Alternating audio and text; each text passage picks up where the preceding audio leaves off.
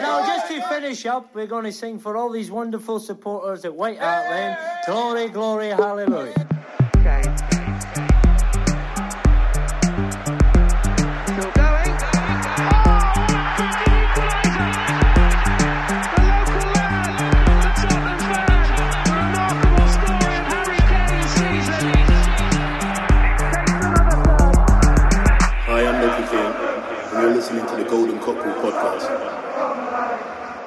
Velkommen skal du være til en ny episode av Golden Cockerel, Tottenhams venners egen podkast om Tottenham på norsk. I snakkende stund er det ganske nøyaktig ett døgn siden Tottenham røk ut av FA-cupen etter en heseblesende 5-4-kamp mot Everton. Og med meg for å diskutere både den kampen og veldig mye annet har jeg Ole Andreas Olsen, velkommen. Takk, takk. Leif Konrad Borsheim, velkommen. Hei, takk, takk. Og Anders Mo Hansen, velkommen. Tusen takk. God dag. Ole Andreas eh, og Leif Konrad er jo velkjente stemmer for de av dere som har eh, hørt en del på denne podkasten tidligere, men ekstra hyggelig er det å ha med Anders eh, fra Nordens Paris. Er det kaldt der oppe, Anders? Ja, nå har vi begynt å få snø også, så det var mest folk sørpå som hadde det en stund. Vi hadde veldig sånn snøfri vinter, men nå, eh, nå er det både kaldt og snø, ja. Ja, du er sportsleder i eh, bladet Nordlys og en av to i podkasten Jomos Kosmos. En podkast om eh, ja, fotball generelt og TIL spesielt. Ja, vi er, vi er tre nå faktisk i Jomos Kosmos. Vi Ja, byg, bygde litt om før siste sesong. Ja, Ut, Utvida staben. ja da, ja da. Ja. Jeg kan ikke love veldig mye prat om TIL eh, her, men eh, Tottenham skal du definitivt få prate mye om. Men eh, jeg må jo starte da med å høre hvordan 28.11.2013 var for deg. Ja, eh, da er vi på Tottenham-Tromsø i London, ikke sant? Ikke i Tromsø. Ja, Da var det faktisk i Tromsø. Da var det i Tromsø, ja. Ja, nettopp. Det var den som var i Tromsø. Det var, Eh, ja, nei, det var jo kaldt, det òg. Hvem heier du på? var, nei, ja, jeg fikk mange spørsmål om det der. Og jeg har vel eh, Jeg skrev vel kanskje i avisa om det også. Eh, og det er litt sånn Jeg, jeg føler ikke at jeg skal si at jeg heier på TIL. Eh, samtidig er det jo litt sånn corny å heie på Tottenham når jeg møter laget fra egen by. Så eh, den var litt sånn der eh, kinkig. Eh, jeg har selv vokst opp med å spille i TIL eh, inntil junioralder. og eh, det pluss 20 år i, i avisjobb gjør at, at man er jo ikke supporter, men man er jo journalist nå. Mm. Så øh, øh, ja, nei. Øh, jeg tenkte vel at det var greit at Tottenham kanskje gikk videre fra den gruppa, fordi de hadde større sjanse til å utrette noe videre. da. For å sjekke hva du husker fra den kampen, så tenkte jeg vi skulle ta en liten eh, Hva husker du fra Tromsø-Tottenham-quiz med fem kjappe spørsmål? Er du klar for det? ja, det er ikke sikkert det er så mye, altså, men du kan prøve. Ja, da kjører vi eh, Hva husker du fra Tromsø-Tottenham? eh, og med alle quizer med respekt for seg selv, de har jo selvsagt en liten quiz-fanfare. Den kommer nå.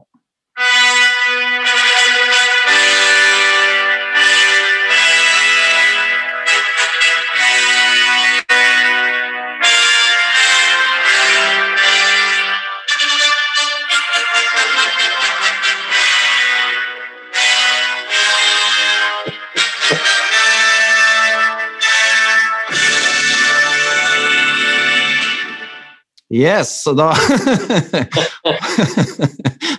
Da er det klart for spørsmål én. Hvem sto i mål for Tottenham i den kampen? Åh, oi, oi, oi, oi, oi. 2013. Eh, det var et forferdelig godt spørsmål. Jeg, jeg går ut fra at det ikke er lov å google heller. Du skal, siden du tester meg her. ja. Ja. Nei, den er vrien. 2013, ja. Da er det vel etter eh, Robinson-tida. Eh, åh, nei, jeg, jeg sliter. Jeg må bare få svaret der. ja. Brad Friedel sto i mål. Brad Friedel, ja. Ja. ja.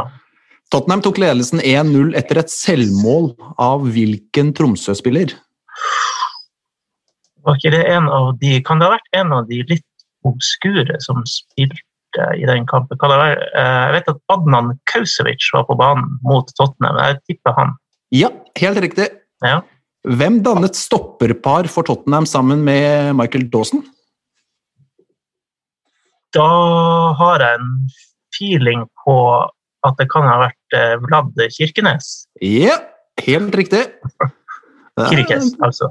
Ja, Ja. riktig. Hvem skåret Hvem skåret eh, Tottenhams andre mål i matchen? Ja, den tenkte jeg kom, så det husker jeg. Det tror jeg. Det var Moussa Dembele, var det ikke det? Det var det. Han skåra Ja. ikke så mye i Tottenham, men han, han skåret i Tromsø. Ja. Og så spørsmål fem. Hvor mange, og eventuelt hvem av spillerne som startet for Tottenham i den kampen, er fortsatt i Tottenham? Oi. Eh, det kan ikke være mange av dem som starta. Ja. Ja, for det var jo med den Kirikes var jo en del av den her eh, Beatles-gjengen vi henta for Beidel-pengene. Eh, Ja. Og den som kom inn der, var jo Lamela. Han er jo kanskje den eneste som er en av dem. Jeg tipper bare Lamela, kanskje. ja, vet du hva? Han satt faktisk på benken, så det var ingen ja. Men det var eh, veldig bra okay. resonnert, det, altså. Eh, Han satt på benken, så det var ingen av de som startet, som fortsatt er der. Men eh, den eh, Jeg syns det, eh, det var bra. Ja. Hva, hva sier dere, Leif Konrad og Ole Andreas? Godkjent, dette her? Absolutt. Jeg tror ikke jeg hadde klart noen av dem. jeg. Det det Nei, Jeg prøvde å tenke over svarene jeg også underveis, og det Nei. det, Jeg hadde jo regna med tenker Tenke på var Loris så tidlig, så bare, nei, ikke så Han var ikke lenge etterpå, var det? Nei, det må ha vært uh, vet ikke, sesongen etter eller noe sånt at uh, Loris kom, da. Uh, så satt vel Loris litt på benken, gjorde han ikke det i starten i Tottenham, der uh, Friedel spilte egentlig ganske bra en periode, så han måtte liksom spille seg ut først, og så så Jeg ble litt usikker på om Loris hadde kommet, eller kanskje kom året etter. Men eh, Bra. Veldig hyggelig at du er med, Anders. Eh, Jeg tenkte vi skulle starte med å se litt på hva som har skjedd eh, i det siste. Eh, Se litt på resultattavla. Eh, Tottenham eh, har jo de siste par ukene spilt eh, fire ligakamper. Tre tap eh, og én seier. Tapte for Liverpool, Brighton og Chelsea, og så slo de West Brom nå sist helg, og så da røk de ut av den spinnville Eller ut av FA-cupen etter den spinnville FA-cupmatchen mot eh, Everton i går kveld. og Hvilket inntrykk sitter dere med, folkens? Eh, hva sier magefølelsen? Er vi fornøyde eller ikke fornøyde med sesongen til nå? Ja, får jeg ordet? Ja, vær så god. Nei, eh, jeg er vel ikke sånn superfornøyd. Jeg hørte jo litt på, på forrige episode, Helge Kalleklev. Han, han meldte vel noe om eh, Kunne man få sju poeng fra de tre neste, hadde det vært kjempebra. Mm. Det, det ble vel null. Det var vel Liverpool, Brighton og Chelsea ja. som kom etter, eh, etter det. Eh, Ja. og, og sånn eh, overall, så eh, ja, jeg er vel av dem som egentlig fra dag én har vært Mourinho-skeptiker. og Jeg, jeg kan vel ikke si at han har, han har vunnet min fotballkjærlighet enda. Eh, da er jo med å kjempe om to trofeer fortsatt. Da. Eh, Det kan selvfølgelig berge han og den en hyggelig sesong, men eh, nei, jeg er vel ikke sånn eh, over the moon. Hva tenker du, Ole Andreas? Uff, nei eh, Det har vært mye, mye gærent i det siste. eh. Så eh, Nei, det, men eh, fotball er ferskvare, så akkurat nå så er det, det er mørkt. 200 over West Brom, det, det lapper liksom ikke over eh, alt. Nei. Nei. Men eh, kampen i går eh, skal vi sikkert snakke masse om, men eh, det, det var jo We got our old Tottenham back. Altså 5-4, hva er hva er det som skjer? Ja, nei, så jeg, er jo mye mindre sinna etter kampen i går enn hva jeg f.eks. var mot Chelsea, Liverpool og Brighton. Um, som egentlig det var, var Liverpool, Brighton og Chelsea i den rekkefølgen. Og egentlig bare syns at prestasjonen dalte for hver kamp. Mm. Så um, Nei, um, nå, er det, nå er jeg ikke fornøyd. Eh, uh, vi skal vel også snakke litt om spillere, og det er altså noen Mm. som skal få unngjelde litt etterpå. og du, du sitter klar med kjøttøksa? Ja, sniper rifle, altså hva som helst. Det er eh, Nei, dette er ikke bra, altså. Det, de, de som kom innpå i kampen i går, eh, de får det glatte lag av meg, i hvert fall.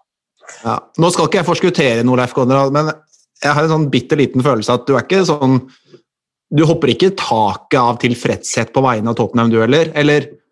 Jeg, jeg opplever kanskje at Ole Andreas er der som jeg var i januar i fjor allerede. Altså, eh, da, da starta hva skal jeg si, eh, min eh, store nedtur som egentlig har vart i et år nå, som er nærmest i ferd med å rive livsgnisten ut av meg. Eh, og I så måte så var jo gårsdagen en, en, en kjempeopptur til tross for fem baklengs, så det sier jo sitt. Men, eh, men, eh, men det handler litt om måten Ja. opptrer mot både Liverpool og Chelsea, og ikke minst Brighton.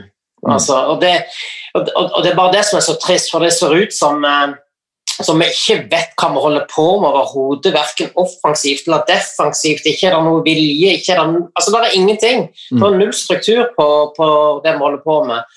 Uh, og, og jeg syns jeg så uh, klare forbedringer i går, tross alt. da. Ja. Jeg tenkte vi skulle ta litt eh, tak i den eh, Everton-kampen, Leif Konrad. Eh, Du nevnte den.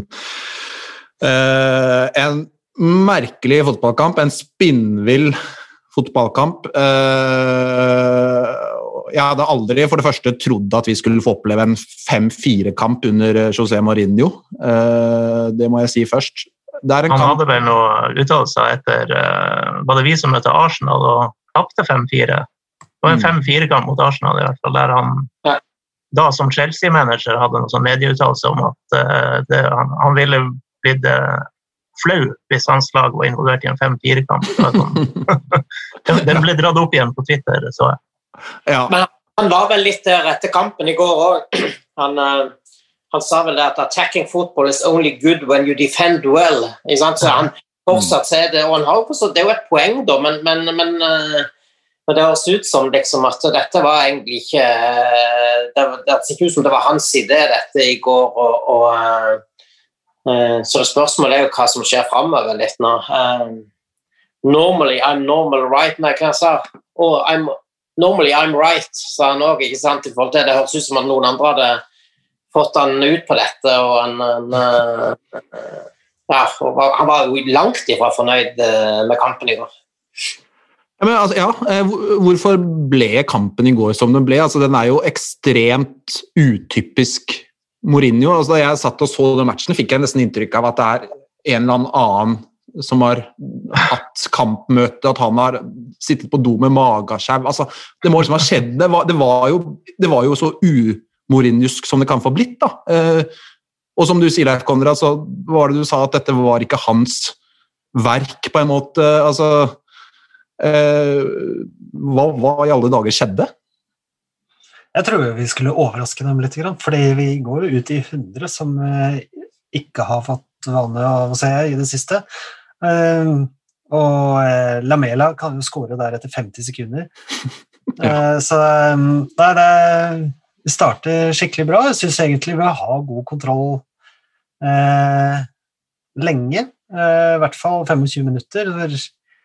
Ikke var så veldig bekymra over eh, hva Everton eh, produserte. Eh, og så kommer jo de forferdelige sju minuttene da, med, med 1-1, 2-1 og 3-1 på, på rappen. Eh, eh, veldig bra med reduseringen rett før pause. Det tror jeg hadde en god del å si for trua innad i laget. Mm. Og når vi da får 3-3 så fort, så eh, da er i hvert fall jeg oppe Jeg har reist meg fra stoleryggen igjen. Eh, sitter ikke bakoverlent og bare venter på at eh, sluttsignalet skal komme. Men det, er, Det sånn- hvordan ble det en sånn kamp, det vet jeg ikke. Ja, Anders?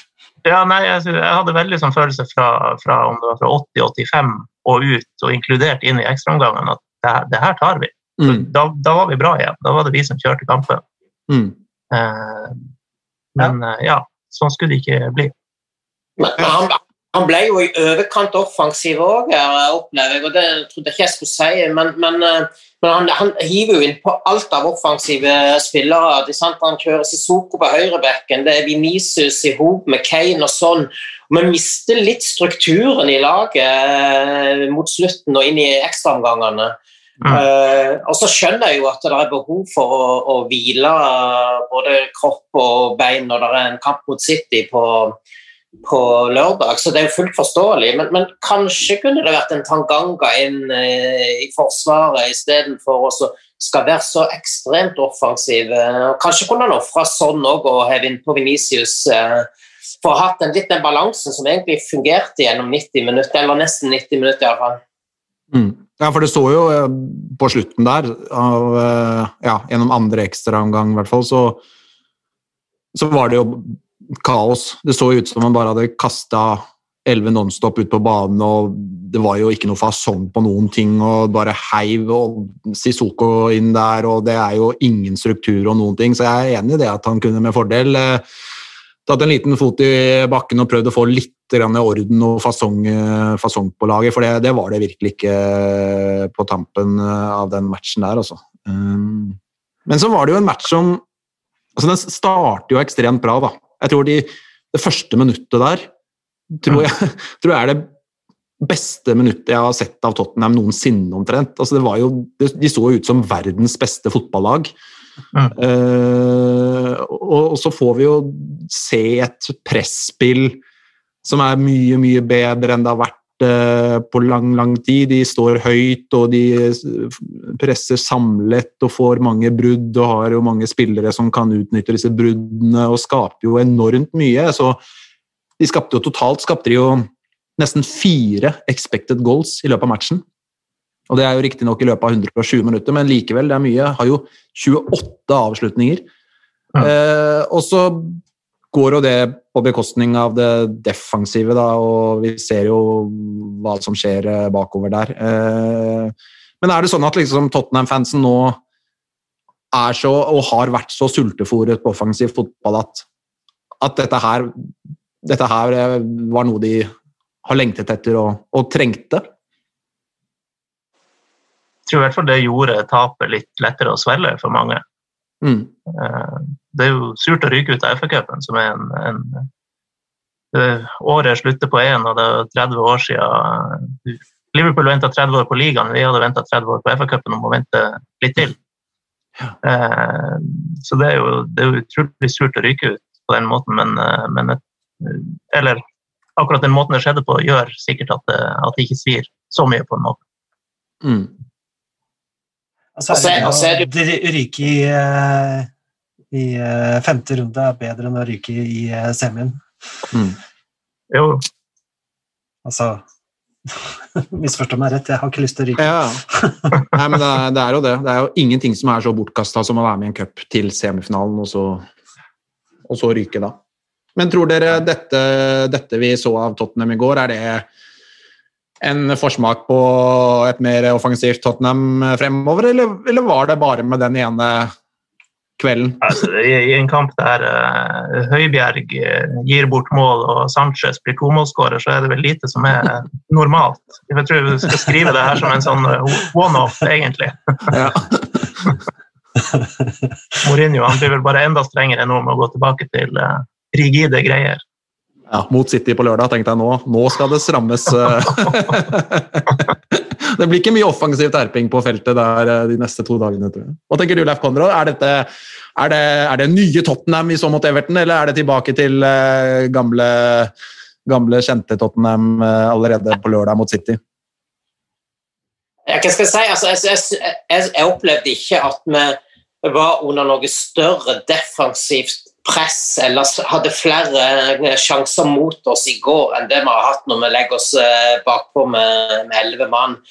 Altså, men det er noen drittmål som, eh, som kommer imot. Det er et straffespark som er et rent uhell. Det er et svakt keeperspill på, på første målet kombinert med Høibjerg som gir han bort. Du har Vinks som, som roter det til på midten på et mål. Så det er en del personlige feil som det må være mulig å luke vekk. Så jeg håper virkelig at dette egentlig var starten på, på, på en litt sånn ny trend, selv om at jeg er ganske sikker på at vi mot City på lørdag er tilbake igjen eh, til å, å forsvare oss. Eh, vi lykkes jo godt med det eh, forrige gang vi møtte de. Eh. Men så vet en aldri om man skal holde noen S i ermet til en ligacupfinale og, og ikke røpe alt i, i, kampen på lørdag heller. Så, for, det, mm. for, den tror jeg blir blytung eh, med, med, den formen City er i nå, uansett hvordan vi har inngang til den kampen. Men, men, eh, men, jeg er enda mer spent på, på kampene nå eh, mot eh, Wolfsberg og Westham i neste uke. For det, det, tror jeg vil gi oss et klarere svar på, på hvor vi er henne nå. Og så tolka jeg litt kanskje de, de intervjuene med Mourinho etter kampen i går på at dette ikke er en varig trend. Men det er lov å håpe. Ja. Han, han, sier jo der uh, Don't speak too much about the defensive mistakes we made. I think mm. that's obvious. I, feel, I don't feel comfortable speaking about that. Det skjønner ja. jeg godt. Men altså, Men, eh, den, eh, den, straffen som eh, de får, det er, det er jo helt riktig straffe, men det er jo så kjedelig å få noe sånt ja. ut. Mm. Prøver å springe forbi han og hekte han. Ja. ja er. Men uh, Winks fikk jo mye kjeft uh, i går, med, med rette. Mm. Men jeg syns jo at uh, de to andre som kom inn der for ekstraomgangene, ikke akkurat uh, gjorde noe særlig bedre. og nå er um, kjærlighetshistorien min med Dele Alli for alvor på, mm. på hell, altså. For det han det han eh, leverte i går det, Eller, han leverte jo ikke. Men jeg, tenker du har ganske store forventninger da, når en mann som knapt nok har spilt eh, og får Nå fikk han jo mer tid enn det som kanskje var planlagt hvert hver kvarter. Han fikk en omgang totalt sett og i, i går. Eh, så, så, jeg tror bare at spillere må, må, gis litt tillit. De må få lov å prøve og feile litt, og, og at ikke en skal bli nagla hvis, hvis, hvis det kommer en feil så tror jeg han er eh, fortsatt en spiller som kan blomstre i, i, i Tottenham. Så eh, jeg er villig til å gi han mye mer tid, iallfall, enn en, en, en vi, vi, ser, vi, ser, jo hvorfor han blir eh, hvorfor han blir sittende på benken da, når han ikke tar vare på de Han har ikke fått mange sjanser, jeg skal innrømme det, men han har ikke tatt vare på de sjansene han har fått heller. Mm. Nei, men Jeg føler jo hele situasjonen med han egentlig er ganske håpløs, fordi han får jo aldri spilt seg i form. Han kastes plutselig inn litt her og litt der. altså Enten så må de, må de la han få fem kamper på rappen og muligheten til å spille seg i form, eller så er det egentlig ikke noe vits. fordi sånn som det er nå, da, så, så er jo hele situasjonen rundt han håpløs, og han, han, får aldri muligheten til å spille seg i form heller, så det, det er jo en ganske sånn umulig situasjon, da. Han var en spiller som, eh, som uh, Mourinho tydde litt til i starten, da han kom inn som manager. Ja. Uh, og han gjorde det jo bra da, i den perioden. Mm. Men mm. det har jo skåret seg kraftig der. og Jeg ser vel heller ikke noe sånn umiddelbar vei tilbake. At han plutselig begynner å blomstre sånn som han gjorde for, så det begynner å bli fire år siden. Noe sånt. Mm. Jeg skulle, jeg skulle, likt å vært flua på veggen på dette møtet de hadde etter at eh, vinduet stengte, og, og hva som egentlig ble sagt og, og avtalt der. Da. Fordi at eh, Det er vel ingen tvil om at Mourinho egentlig eh, ga klarsignal til og, og, at han kunne forlate klubben nå i, i januar. Så, så her så ryktene går vel på at det er Livi som har holdt igjen og ikke ønsker å gi slipp på han. og så, mm. så, så, om man er blitt tvungen til å ta han inn i varmen igjen, eller om det har skjedd noen endringer her i mentalitet, uh, treningsvilje det, det, Nei, det er mye så mange spørsmål der som uh, er uavklart, uh, kjenner jeg. Mm. Jeg tror ikke det hjelper han med den der barten heller. Men vet du hva, jeg føler at han begynte å spille dårlig da han fikk den der barten. Og snudde da den barten kom. Hadde det, vært, ja, men det er jo vært et forsøk å bare ta vekk den, og så få Ally tilbake på ryggen istedenfor å dele. Da han fikk dele på ryggen og barten, da snudde det. Ja. ja, skal du liksom prøve å fremstå som ikke, ikke slapp og laidback, så må du ikke ha den der uh, looken der. Det går ikke. Ikke det? Jeg er helt, helt enig, jeg har tenkt det samme. Få, Jeg, få bort den barten, og så få Bale til å klippe håret. Jeg, blir, jeg kjenner jeg får sånn utslett hver gang jeg ser i kamp, i spill, at han begynner å veive med det der, eh, sette opp håret igjen. ja. Man må bare bytte ut uh, sjampoen med sånn hårfjerningsmiddel eller noe. Og så var jo, Ole Andreas, du, da fikk du tatt El Ally, da. Men jeg tipp- tipper at du har en til på blokka di av de som kom inn i går, som du har lyst til å si et par ord om. Og han som har uh, vært uh, første touch, er en takling.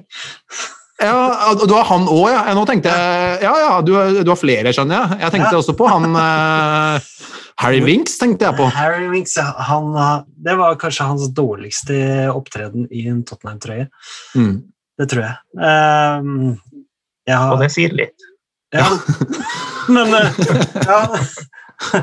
Nei, det, det var helt forferdelig. Jeg kommer ikke på en eneste ting eh, som, som jeg bare Ja, bra, bra Wingsy. Den, eh, det ordna du fint.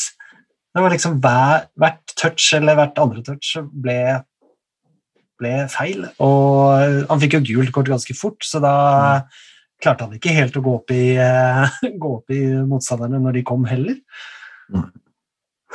Han, jeg da ble, en sånn- ble, ble det veldig mørkt hos meg her, men eh, Jeg skal innrømme at jeg, jeg ganske lenge har forsvart ham. Eh, det ga seg vel, jeg vet ikke om det var i høst en gang, eller noe sånt. Da, da, var, det, da var det over for eh, Tottenhams eh, Iniesta, eller hva det er Roar Stokka har klart å lire av seg i det siste. oi. Ja, Han sammenligna med Iniesta for bare noen uker siden. Det var, det var spesielle greier. Ja, nei, jeg er litt ferdig, ferdig med han, kjenner jeg. Dessverre. For han er jo liksom en one of our own, han også. Skulle gjerne sett at han fortsatte der han var mot Real Madrid i Champions League. Ja. Det er han vi alle ønsker oss uh, tilbake. Ja, ja. Er du der, Leif Konrad? For du klart å snakke om Winks? Eh, ja, og jeg, jeg, jeg, alltid, jeg har alltid hatt et svagt eh, vært svak for, for Vinks. Jeg, jeg, liker han godt. eh, og de, I går var det egentlig bare trist å, å se på. Altså, for, for det, det, ja, det, det som Anders sier òg her, er, han er en av våre egne. Han kommet opp gjennom klubben, vært der hele veien. Er født rett oppi veien oppi, og vokst opp oppi Hemmel Hamsted. Det, det er liksom så lokalt som du får det, ikke sant? Og, og Derfor så er det litt sånn uh, trist at, eh, at uh, karrieren tar den retningen som han gjør nå. Altså. Så, men jeg er fortsatt så Jeg har ikke tenkt å han opp helt ennå, men, uh, men han han er jo der at han må jo han må jo begynne å prestere. Rett og slett. Jeg henger meg på det dere sier. Jeg også har forsvart han. Og det er en sånn spiller som jeg håper skal lykkes uh, av de grunner som dere sier. og det som er så rart å tenke på, da, vi skal jo ikke mer enn ja, ett og et halvt cirka, da, ett og et halvt år tilbake. Da var jo Winks en spiller vi, vi krysset fingrene for at skulle bli klar til den Champions League-finalen. Han Ja. var så viktig for det laget, han var så bra. Eh, så har han jo etter det da bare stått helt stille og, og til og med bare ja, gått, gått gærne veien. Og så, så er han jo 25 år, da. Han er jo ikke sånn veldig ung lenger heller. Man tenker jo kanskje ofte at han er eh, yngre enn det han egentlig er. Men han er 25 år. Han er jo egentlig i ferd med å gå inn i en alder hvor han skal være på sitt aller, aller beste. Eh, og så står det egentlig bare helt stille i utvikling, og, og si, knapt nok det. Så spørsmålet er jo om eh, om det er noe fremtid. Nå kommer jo Skip tilbake da, til sommeren. Jeg vil jo tro at han fort kan være foran i køen. og det, det, er vanskelig å se for seg at Winks skal, eh, skal kunne bli en veldig viktig del av dette Tottenham-laget. Også for jeg syns han eh, har vært langt unna i eh, et år, halvannet nå, egentlig. Vi har jo fått noen ytringer angående Winks. her, og Cecilie spør jo hvor mye må vi betale en klubb for at de skal være dumme nok til å signere Winks gratis? Hun var heller ikke helt fornøyd i går. hva, hva, tror du, Anders? Eh, får vi gitt ham bort? Ja, Nå har vi jo ikke lenger de her Stoke og Sunderland som vi har brukt å dumpe spillere til. De, de, er litt for langt ned i systemet. Eh, nei, jeg, jeg, vet ikke. Det var vel også noe Jeg vet ikke om vi kommer til et annet spørsmål om man skulle kjøpe og selge noen spillere. Eh, da kommer fortnavnet ja. Harry, Harry Winks opp igjen. Eh, dessverre. Jeg, jeg er vel der nå, tror jeg. Selv om jeg også så gjerne skulle se at, eh, at han finner seg sjøl igjen. Mm. Øyvind eh, Slesvold eh, har også et par ytringer om kampen i går. Altså, er det noe galt når man har bedre humør etter 4-5 mot Everton enn de fleste seierne denne sesongen? Og Winks må ut, forresten. Det, det. Ja, det er, eh, kan vi bare ta, ta det første spørsmålet hans, egentlig? For jeg syns det, det er litt, litt spennende. For jeg har tenkt litt over det selv. Hva tenker du, Anders? Altså, er du er, Du har jo nevnt at eh, tapet var litt lettere å svelge ettersom det ble 5-4, men Ja, jeg, jeg, skal ikke dra det så langt som, som det blir gjort i spørsmålet. Jeg, jeg gleder meg mer over seirene. Det, det, det, gjør jeg egentlig omtrent uansett hvordan de kommer. Eh, men, men, jeg skjønner jo spørsmålet, for det er jo det er liksom noe med hele situasjonen med korona, ingen publikummere, og så på toppen av det Mourinho-fotball, som liksom har det bare suger ut eh, fotballkjærligheten og Tottenham-kjærligheten sakte. Mm. Eh, og, og, Nei, jeg sliter med å se at de går rett vei under ham. Uh, så, så har man ikke lyst til å tape 5-4 i hver eneste kamp heller, da. Men, men, jeg forstår jo spørsmålet, selv om jeg, jeg gleder meg mer over en seier. da. Jeg har litt lyst til at Leif Konrad også kan få kommentere dette. ja, ja, men absolutt. Altså, jeg har sittet nå et år uten å ha puls av det meste. Jeg har hatt puls, men ikke noe høyere puls enn normalt når jeg har sittet sett Tottenham. Det, det, det, det, har liksom ikke fenga meg. Det, har liksom vært kjedelig. I går var det litt sånn tilbake igjen, der jeg begynte å kjenne litt på Reise meg opp av sofaen og, og, være litt på igjen og kjenne litt på nervøsiteten når Tottenham spiller. Selv om vi har møtt eh, Arsenal og Chelsea nå denne sesongen, så jeg har liksom ikke klart å få fram de følelsene i meg. og Det, det gjorde de i, i, går igjen. og det, det var uh, deilig å kjenne på.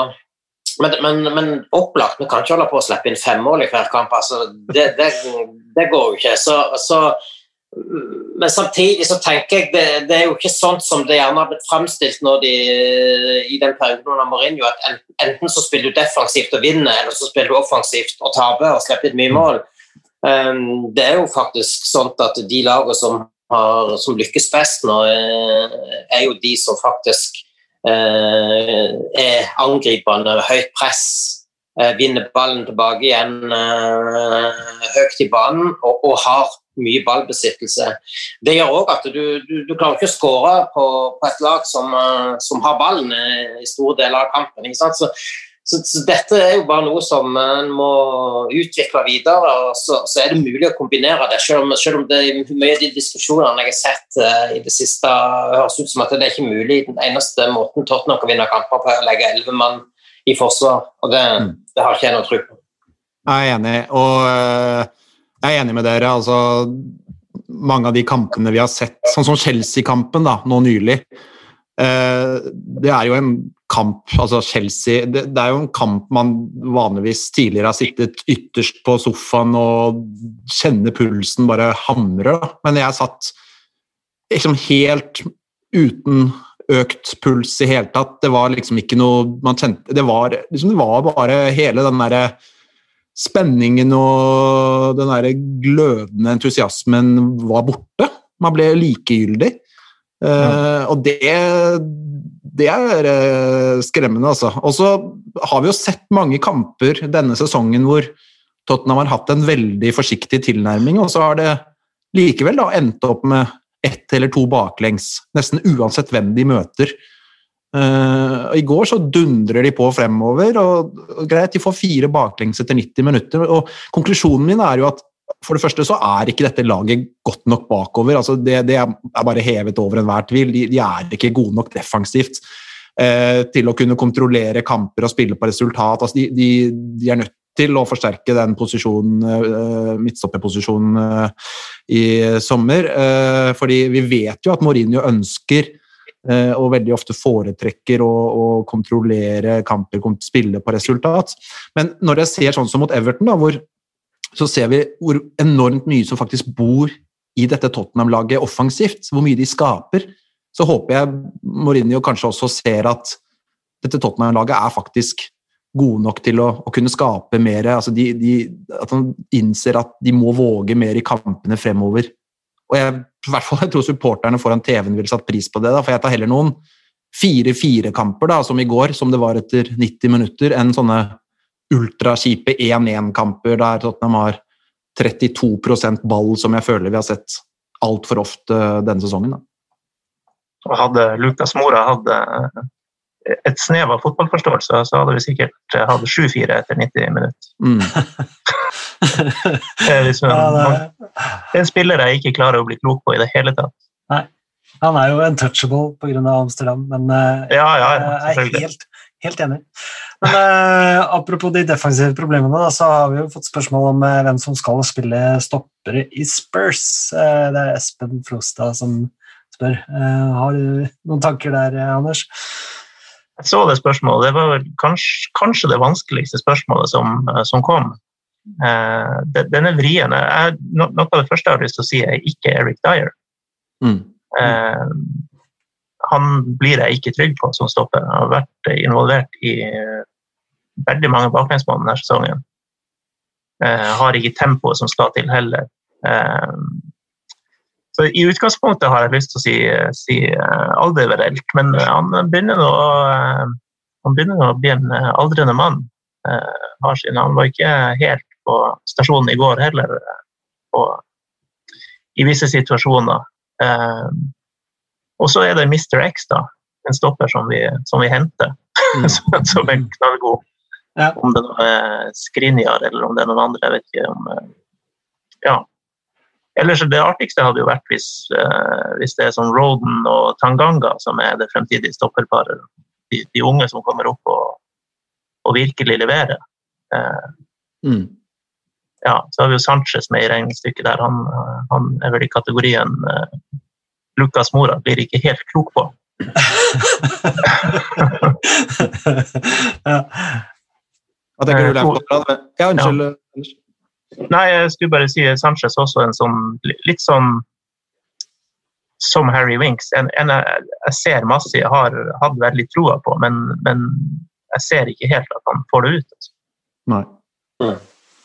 Ja, jeg, jeg, har eh, litt sånn større utfordringer på backplassen enn jeg egentlig har som på midtstopperplassen. Og så tenker jeg det viktigste kanskje nå er faktisk å finne finne en firer og satse på den fireren. Eh, så lenge de er skadefrie. Da. Du kan selvfølgelig du kan ikke vinne på en skade av Regilon, men, men, eh, men, men, det har vært utfordring, for vi vet jo aldri hvem som uh, møter opp som stoppere til kampene nå. Det, det, det, er liksom helt opp i det blå om, om hvem man uh, setter sammen som et, uh, som et stopperpar. Og, en, en, trenger å få litt den der defensive tryggheten, det å være litt samspilte, kanskje ha en god relasjon til keeper og, og, og, og sørge for at dette blir bra. og det, det får du jo bare gjennom å, spille sammen. Da. Når du hele veien skal forholde deg til ny makker og, og nye backer, så, så, så klart at det, det blir utfordrende. Eh, så jeg ser på noen eh, av disse topplagene, så, så gjør jo City bytter jo faktisk en del. Men, men sånn Liverpool kjører jo en firer så, så langt det er overhodet mulig. Men United gjør litt det samme. Um, så, jeg, så, tror det, det, er kanskje der det ligger. Så selvfølgelig jeg gjerne hatt inn en, en kanonstopper i tillegg, altså. Men skulle jeg valgt, så tror jeg jeg hadde satsa på ja, Toby og Sanchez, kanskje, akkurat nå.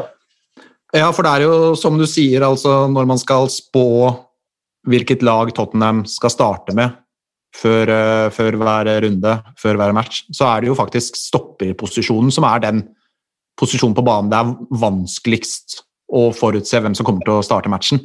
Mm. Og sånn skal, sånn skal, det jo ikke være, tenker jeg, da, fordi det bør jo egentlig være to ganske selvskrevne valg der.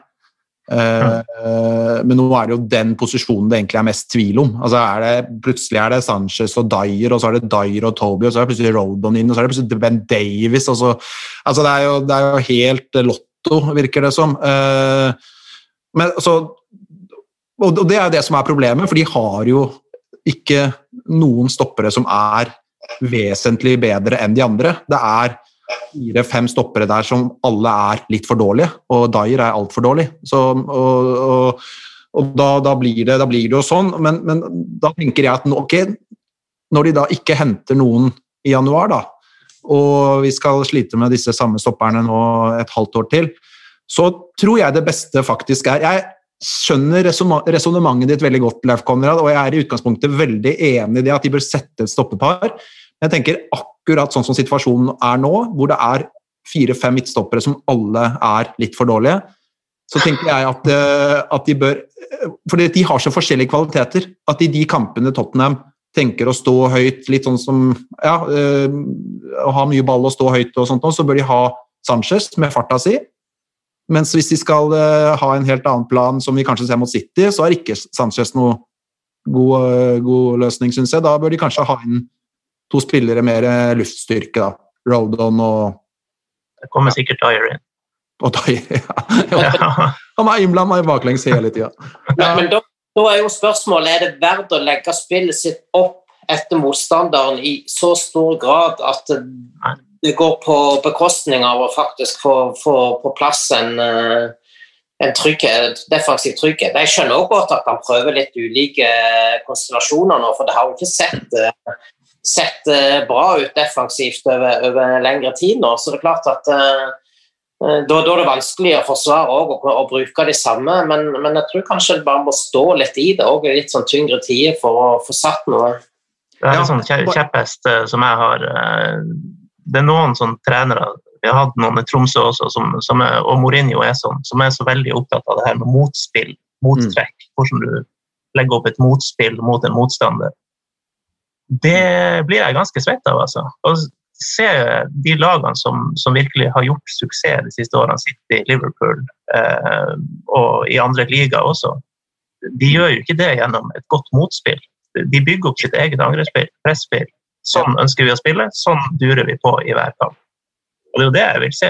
Altså, jeg, ikke, jeg elsker jo ikke Selv om Liverpool feide gjennom Premier League i fjor, så, så, er det jo ikke en klubb jeg elsker, men, men, det er jo sånn jeg vil se laget vårt spille. Mm. Ja, helt enig. Jeg er helt enig, og, og bare for å svare på, på, det du sa, Leif Konrad, er de nødt til å tilpasse seg så mye? Jeg, jeg er helt enig i at, at, det er et legitimt spørsmål å stille, og at, at det har vært altfor mye av det denne sesongen. Men jeg tenker akkurat i kamper som på lørdag, da, mot City, eh, kanskje mot Liverpool, mot de der aller, aller, mot de to beste lagene i ligaen, da, kanskje, så, så syns jeg det er greit per nå at de gjør det. For jeg tror jeg tror det er den beste muligheten til å få med seg poeng fra, fra den type kamper. Så det er det jeg mener at de, den type kamper hvor, hvor, de helt tydelig skal ha en Eller bør i hvert fall ha en annen plan enn det vi ser mot Brighton og West Brom, så, så tenker jeg at det kan være fornuftig, og siden de stopperne har så ulike kvaliteter, at det kan være greit å tenke litt på hvem de møter, da. Jeg bare tenker at det er jo litt eh, det er greit nok om du ser på motstanderen, men du må jo se hvem som faktisk er på banen òg. Når Liverpool f.eks. møter oss med en 17-åring i forsvaret som knapt nok har spilt eh, Premier League, og mm. mangler midtstoppere Vi snakker om at vi har hatt midtstopperproblemer. Og, og, at vi da ikke er villige til faktisk å prøve å utnytte de svakhetene. Ja. Men fordi de heter Liverpool, så er det mm. bare å mens, mens det er et lag som er, var skaderamma når når vi møtte dem som, som uh, vi burde utnytta bedre. Men, ja. men jeg, jeg, er enig med deg. Det som mot City, ja, det, det er sikkert uh, fornuftig å, å, gjøre det. og Det viste vel de resultatene her uh, tidligere i sesongen òg, at det, det, var en god inngang til, til akkurat den, mm.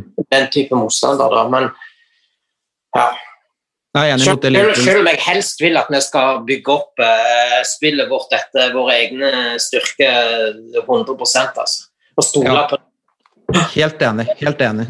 Men det er bare akkurat mot de der, og det Liverpool-laget vi møtte nå sist, der syns jeg de kunne våget mye mer.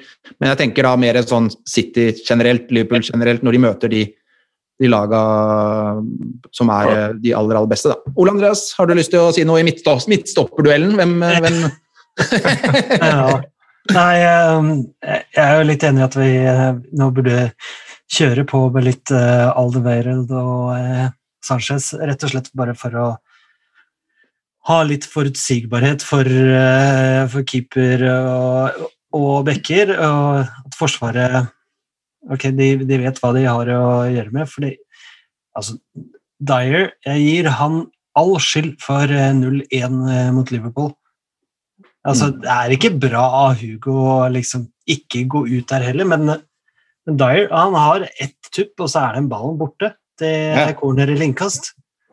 Og så skal Det er ikke sånn at Dyer roper keeper lenge før den ballen kommer inn. Nei, han, mm. han sier ingenting.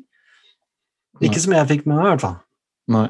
Men eh, nei, vi har jo et skikkelig problem i forsvar. Ikke nødvendigvis fordi at de ikke skjønner hva de skal gjøre, men fordi at de ikke evner å gjøre hva de skal gjøre.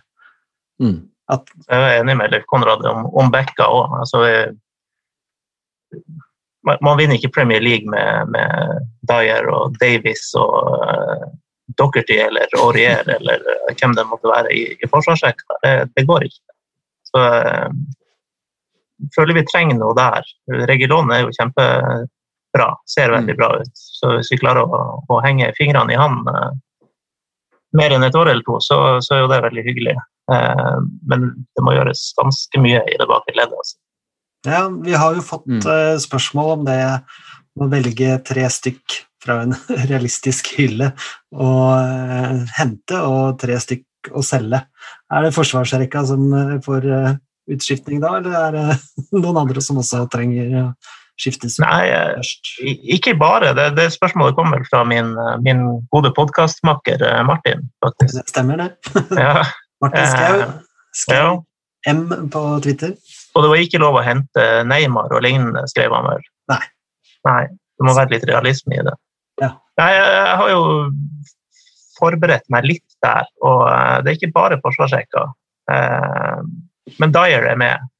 Dyer er med. Dyer er med. Jeg har gått for Dockerty òg. Jeg syns ikke det Det er kanskje litt sånn eh, Jeg har ikke gitt han veldig mye tid, men jeg ser ikke hva han bringer inn i det laget. Og at Aurier har fremstått som den klart beste høyrebekken vi har, det, det er jo det er jo ikke et bra tegn for Doherty på måten han har kommet inn i klubben på. Der fikk jo Sander eh, sin påstand eh, bekrefta, for han sier at eh, Aurier er vår klart beste høyreback. Ja, ja, han er, har jo vært det denne sesongen, selv om han hadde sitt sedvanlige drypp eller to i, i løpet av sesongen òg. Nei, så har jeg, hadde egentlig, jeg var inne på tanken om Sissoko, eh, om, om, vi liksom har sett toppen av han. Eh, men eh, vi har vel dekka det nok allerede. Jeg må nesten lande på Harry Winks altså. som den tredje. Jeg tenkte vi kunne snakke litt om Sissoko, ja. eh, fordi han hadde jo en tung eh, innledning i Tottenham, og så ble det jo veldig bra. Men den Mosta Sissoko vi ser nå, eh, er han god nok Altså Hvis han skal spille mye på dette laget, eh, er han god nok til, at Tottenham kan bli et topp topp Premier League-lag? Hvis, hvis Sissoko skal være en viktig brikke? Altså Jeg så, bare for å spinne litt videre og Jeg så et klipp da fra Chelsea-kampen hvor han spiller sentralt der og helt bevisst gjemmer seg bort i tolv sekunder for ikke å få ball. Han vil ikke ha ball. uh, og det stemmer jo med det inntrykket jeg har. Han er dårlig med ball i beina, og han vil ikke ha ball. Han prøver egentlig å unngå å få den. Har han da noe Pasningsskygge hele tiden. ja, det var helt vilt å se på. Og kan vi ha en sånn spiller på Tottenham sentral midtbane hvis Tottenham skal bli en topp top Premier League-klubb, eller har Moussa Sissoko utspilt sin rolle? Ja, jeg har lyst til å si ja til det, egentlig. Altså, det, han hadde jo en helt sånn mirakuløs eh, pil oppover han mm. så jo ut som et tidenes bomkjør i starten, og så plutselig var han en av lagets beste spillere. Mm. Eh, kanskje mye fordi han, han spilte på mye av det han, eh, han eh, var bra på. Da. Vant ball, fysikk, og så dytta han den nærmeste spiller. Og gjorde de tingene veldig bra, og ble, ble viktig for laget. Men eh, der er han ikke i dag. Eh, så eh, ja, han er vel Jeg vet ikke hvor gammel han har blitt nå, men han er vel eh, over middagshøyden. Eller rundt middagshøyden, kanskje. Jeg kan finne ut det på to sekunder. Ja, Han er eh, født eh, ja, han er 31, da vel. Blir 32. Ja, Ja. 31 og et halvt. der i hugget. Så eh, ut fra alder og følelser og sånn, så burde kanskje han være en av de tre i stedet for Winks. Mm. så vi får si Winks slash Sissoko som tredje der. Hva sier du, Leif Konrad? Moussa Sissoko? Ja, nei, jeg er enig. altså. Vi snakka litt om dette og det å kunne styre kamper osv. Det er klart, Mm. eh, men, men midtbane med Høibjerg og Sissoko og Vinks, så, så kan vi ikke styre midtbane. Eh, Men, men, vi trenger en, eh, vi trenger en spiller sammen med Høibjerg som er god til å holde på ballen, som er god til å se eh, muligheter offensivt, ha et overblikk offensivt og kunne, kunne finne spillere i rom offensivt. Det, det mangler vi helt nå. Eh, og så er jeg litt sånn usikker det, det, Vi, har- vi har jo den spilleren, men han er skada. Prosenter tenker du på, ja. Han er svak for, altså. Mm. Til, til, til en viss grad, da, men han har uh, fortsatt uh, klart Han har vært ekstremt mye skadet også, så, så, så han har jo fortsatt litt å bevise der. Men, men da går vi tilbake igjen til den tida vi hadde Dembele og, og Eriksen på, på midten der. ikke sant? Så, så, så klart at da, da var det bare å styre kamper. Så, så bygger vi jo tropp da ut ifra hva slags type eh, fotball vi skal spille, og spillestil osv. Det vil jo en type som passer inn i den fotballen vi skal spille. ikke sant? Og det, det, det er jo litt sånn utfordringen nå, kanskje, og, og at vi begynner å bygge en tropp for noe annet enn det som vi egentlig ønsker å se. og Da må vi kanskje begynne å, å hente inn eh, spillere igjen som, som, eh, som har litt andre typer kvaliteter. ikke sant? Um, for Vi snakket jo om det i august eller september, når vinduet stengte, eller når det var oktober, kanskje så sent det var, at dette var omtrent tidenes overgangsvindu. Men nå hadde han fått uh, dekka alle de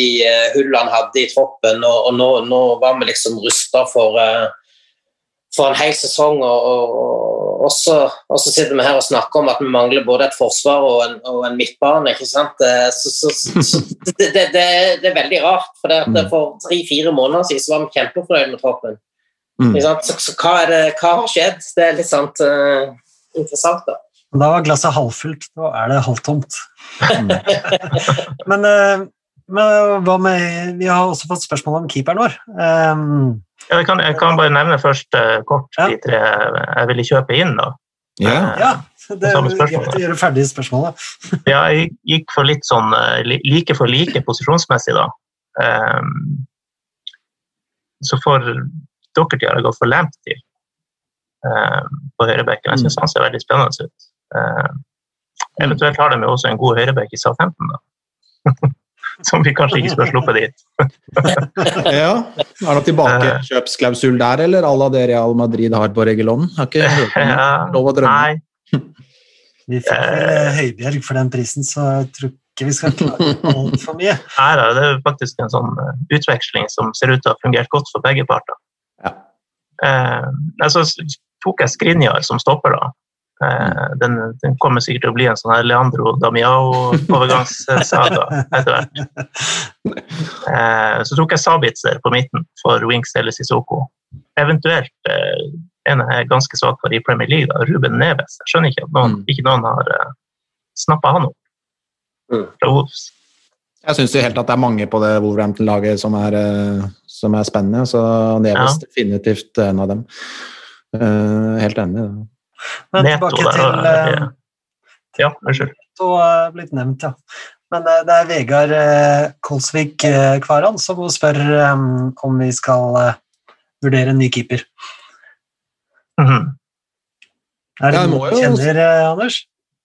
Ja, spør du meg? Eh, Ja. Nei, jeg så også andre Var det var vel eh, vår gamle spiller Jason Cundy som hadde på et sånt radioprogram eh, ytra det, at, eh, at vi burde se etter noe nytt der. Jeg er ikke helt der, altså. Da, da, da syns jeg man glemmer litt for fort uh, hvor bra han egentlig er, og, og også har vært denne sesongen i stor grad. Uh, så nei, uh, jeg er ikke der. Jeg står ved Hugo en eh, stund til. bak han hvor det, hvor det er Jo, jo. Når Det steget si. ned til hardt er såpass, såpass langt. Ja. Men problemet med Laris er jo at han er 34 år nå, eh, så det vil jo være begrenset hvor lenge han kan holde det gående, selv om keepere, keepere kan jo spille lenger enn det. Men altså, han, eh, han er jo ikke fremtiden mellom stengene for Tottenham. Og så kan jeg få lansere dette her, eh, leste jeg et eller annet sted, men jeg kan videre, videreformidle det. Nå er vel han eh, Onana på Ajax utestengt et år for doping, er det ikke det? Så er ikke, det, er ikke markedsverdien hans eh, rimelig lav nå. Så hvis de henter han og får han i spill når han er tilbake fra den dopingdommen, så har de, så har de, så har de erstatteren klar for Loris i fremtiden. Høres ut som en Levi-deal, det der. Ja. Men, men tror du virkelig at Levi vil betale lønn for en spiller han ikke kan bruke i et helt år? Han venter- Han venter jo til siste dagen på transfervinduet for å slippe å betale lønn om sommeren, så det, det har jeg ingen tro på. Han kan vel gjøre noe nytte for seg det året han er stengt, utestengt for doping. Da. Det er vel noe, noen administrative oppgaver på huset som skal gjøres, tror du ikke det? Ja, det er mulig.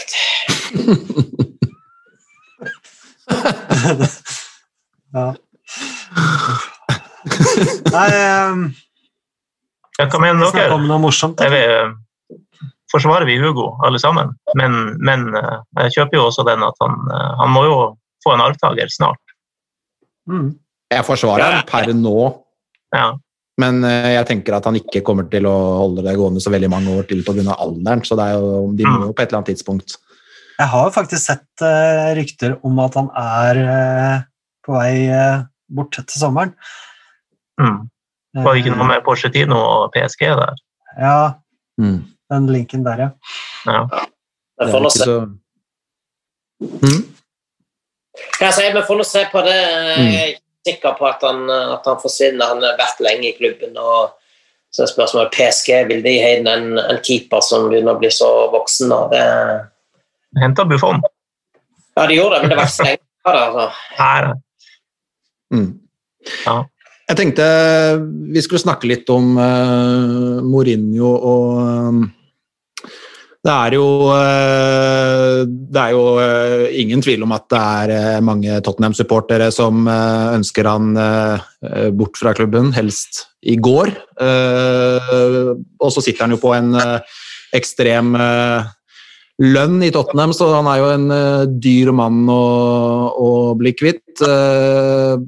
Har vel en kontrakt som går ut 2023-sesongen, så det er eh, drøyt to år da, til den kontrakten går ut. Hva tror dere hva, Hvordan eh, hvordan, eh, altså Hva skal til da for at han forsvinner eh, til sommeren, eh, før sommeren? Altså, hvor står Mourinho nå, med tanke på den jobben han har i Tottenham? Hvor trygg er den?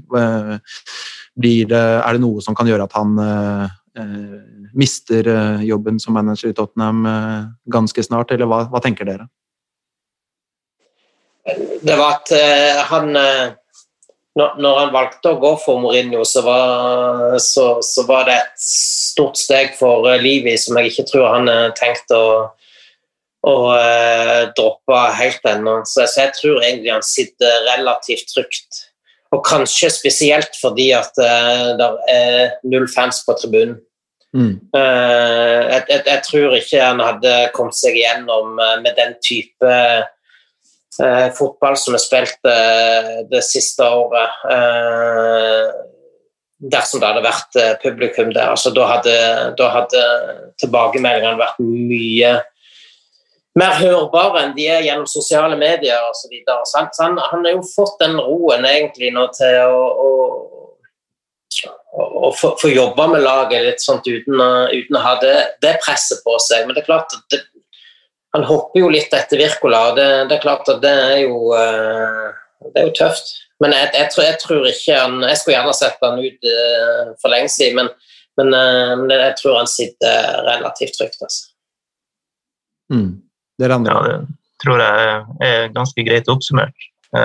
Det med ingen publikum, det ene er jo hvor synlige reaksjoner fra supporterne ville, ville, vært. Det andre er jo at null publikum påvirker jo klubbøkonomien. Mm. Og gir vel livet enda mindre lyst til å punge ut mange millioner pund for å, for å løse ut den kontrakten der. Mm. Eh, og så er det jo som de har diskutert i, i noen ulike TV-studio, eh, eller i hvert fall TV 2 sitt TV-studio med, med Thorstvedt, at eh, han har jo eh, fortsatt en brukbar mulighet til å kunne sikre klubben eh, et trofé. Sjel, sjeldent trofé. Eh, og så lenge, så lenge, den muligheten lever, så, så tror jeg det er en, en slags sånn livreim for han. Mm. Det er kanskje flaks for han at den, den, finalen er så, så, lenge, så lenge til. Ja. Hva tenker du, Ole Andreas? Ja, nei, jeg, er enig. da. Det, jeg tror ikke han eh, får fyken midt i sesongen, i hvert fall. Mm. Um, Marie Skomedal har spurt oss på Twitter om akkurat Mourinho og når han får fyken. Uh, jeg tror i hvert fall han sitter ut sesongen uh, på grunn av det dere har sagt om uh, cupfinale. Uh, har fortsatt mulighet til topp fire. Uh, mm. Men, men, det er jo én ting som kan endre dette dramatisk, og det er rett og slett uh, hva spillerne uh, mener og gir tilbakemelding om. Eh. For, for, for mister han spillerne og mister han garderoben her nå, da, da, er det liksom ingen vei tilbake. Da, men er de med på det prosjektet han har satt i gang, så, så, så, så er jeg redd for at han, han sitter en stund til. Altså. Men, jeg er helt enig. Kommer Kane på kontoret til Levi og sier at det er han eller meg, ja. da, da, ryker José. Altså. Mm. Ja, fordi at uh, nå forsvant de ut av FA-cupen. Uh, la oss nå si da, at de ryker ut av Europaligaen mot Wolfsberger. Uh, at de synker ned til nedre halvdel av Premier League-tabellen, og, og, det blir det spiller... ja, hvis det blir et spilleropprør, da, og Kane kommer inn på kontoret til livet der Kan han Ja, ferdig. Ja, du tenker det? Selv om det skjer nå Ja, altså, da kan det, da kan det skje i vår?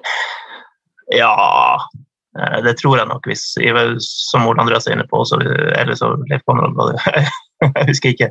Men uh, hvis det der begynner å spre seg i spillergruppa, og sentrale, riktige spillere fremmer de meningene, samtidig som altså, du, du nevnte ryke ut for Wolfsberger, det vil jo være en kjempefiasko, uansett hvordan man snur og, og vender på det. Så flere sånne der faktorer, da tror jeg han lever farlig. altså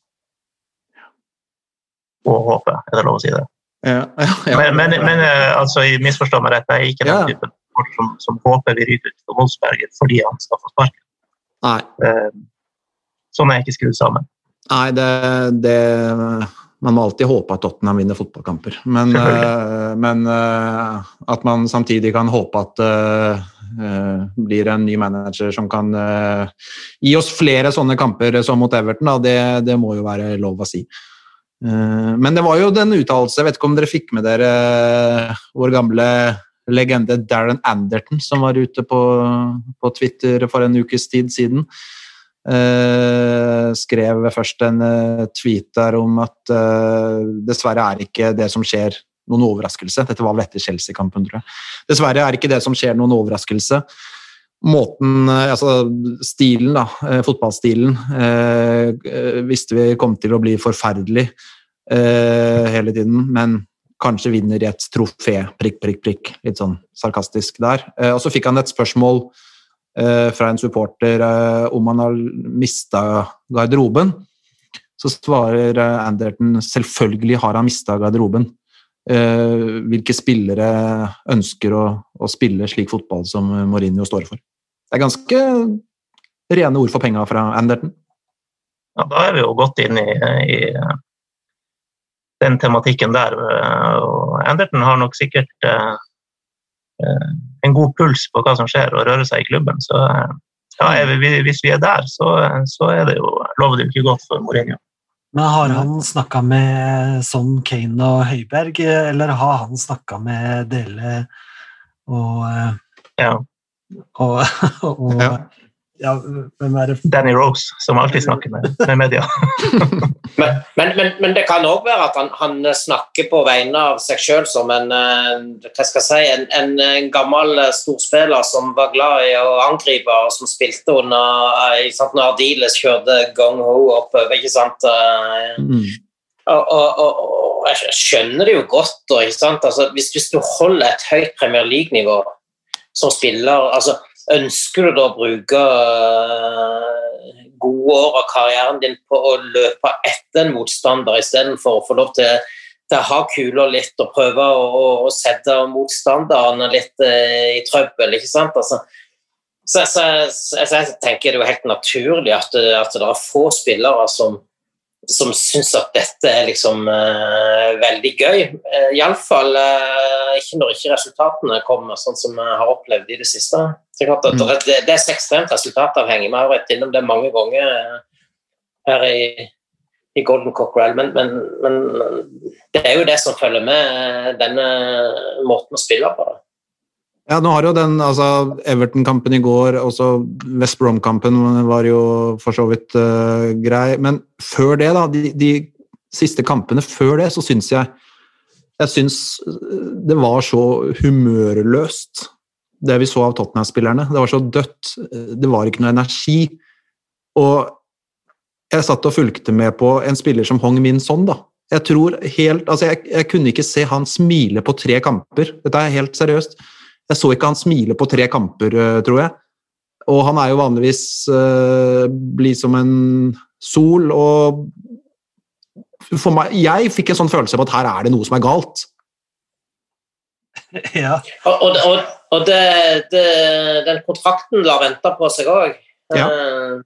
Så sier de at de venter pandemien er over, men jeg vet ikke hvilken betydning det skulle ha. Om det er for å spare lønnsutgifter, men det er jo ikke Jeg, jeg tviler på at sånn syns at det er bare greit. eh, Mm. Nå er han en veldig real kar da, og en eh, sympatisk fyr, men eh, at han er så sympatisk og sier fra seg mye lønn bare eh, Mm. i sympati med klubben og situasjonen er, det kan jeg aldri tenke meg. Så jeg begynner å bli litt sånn urolig for hva er det som faktisk eh, skjer der. Altså. Men, eh, men jeg får jo bare stole på de rapportene om at eh, den er veldig nært forestående.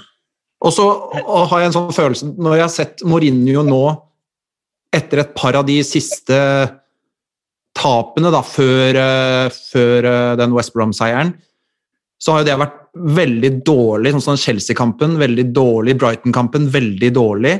Og da er jo vi vant til å se Mourinho være superkritisk og gjerne kaste en spiller under bussen og sånt, men da sto han jo der og, og var egentlig og var fornøyd med spillerne sine, i bunn og grunn. Han, han hadde liksom ikke noe å utsette på det. Og jeg fikk et sånn liten sånn følelse av at er dette en manager som er i ferd med å miste garderoben? Og han vet at hvis det kommer noe sånn kaste under bussen-greier nå, så er det kjørt. Så, men, men, men igjen, ikke sant? vi snakket litt om eh, innledningsvis ikke sant? denne kampen i går var, var det Mourinhos verk. Ikke sant? Mm. Det, det, er ufint å ta det ifra han hvis, hvis, det, hvis det faktisk er, er, er han som, eh, som eh, er, er, den som har stått opp for, for å gjøre noen endringer der. Men, men det kan jo være at det er som en reaksjon fra spillergruppa. At ja, men da, da prøver vi dette, da, så ser vi om det funker bedre. Mm, ja. Hva tenker vi andre? Er det som Leif Konrad sier? Ja, så det, jeg er jo litt sånn usikker på hvor de her viktige, tunge spillerne som, som egentlig sånn Kane og sånn og, og Loris, hvis de, hvis de sier noe til Livi, så, så er det klart det, det veier tungt. Men hvor, hvor eh, har de det i seg å ta den praten? Er de, er de tøffe nok til å ta den? Altså, de er jo ikke Vi har vel alle sett litt på den her eh, All or Nothing-serien. og eh, Jeg vet ikke om de er typene som jeg tror det må gå ganske langt før de går inn på kontoret til Livi og tar den platen der. De er ikke, de er ikke helt Danny Rose. Mm. Nei. Nei, vi får se. Vi får i hvert fall håpe på mye underholdning fremover à la den Everton-kampen i går, bare med seier til slutt. fordi eh, jeg tror vi alle er enige om at det har vært eh, fryktelig mange kjipe Mourinho-forestillinger med dette Tottenham-laget denne sesongen, og det, det er ikke det Tottenham eh, skal stå for.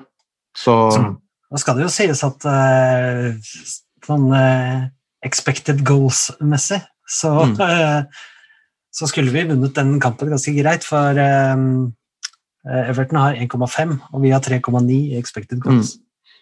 Det er riktig, det. Tottenham har 28 avslutninger.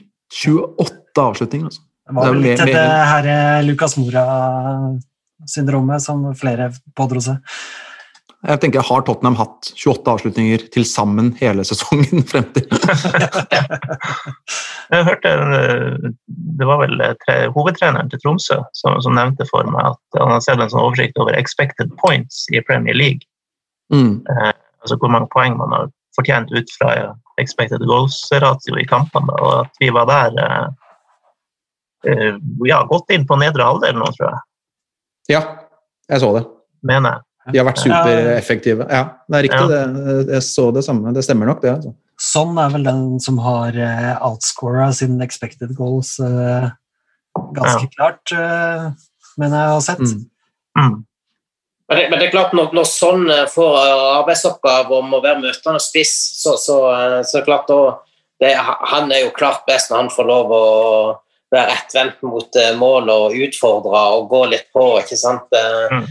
Han- òg er veldig sløv med støttepasninger og, og den Mm. type ting, og, og det å vinne dueller. ikke sant? Så, så Men bare bruke han rett. Han, han er helt fantastisk. Så han, eh, det er krise om ikke vi får, utnytta hans kvaliteter. Altså. Mm.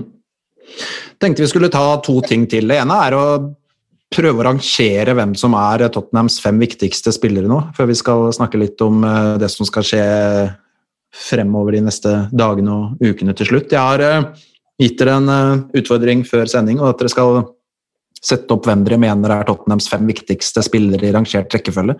Tenkte jeg skulle legge sammen poengsum og se hvem, eh, hvem som eh, scorer høyest eh, til sammen.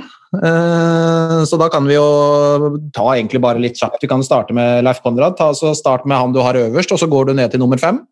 Ja, det er Harry Kane som Mm. viktigst. Ja, Ingen begrunnelser, her skal du bare ha navn. ja det, Hvis ikke du har noe du føler må, må med, så, så kan vi godt kjøre litt kjapt gjennom.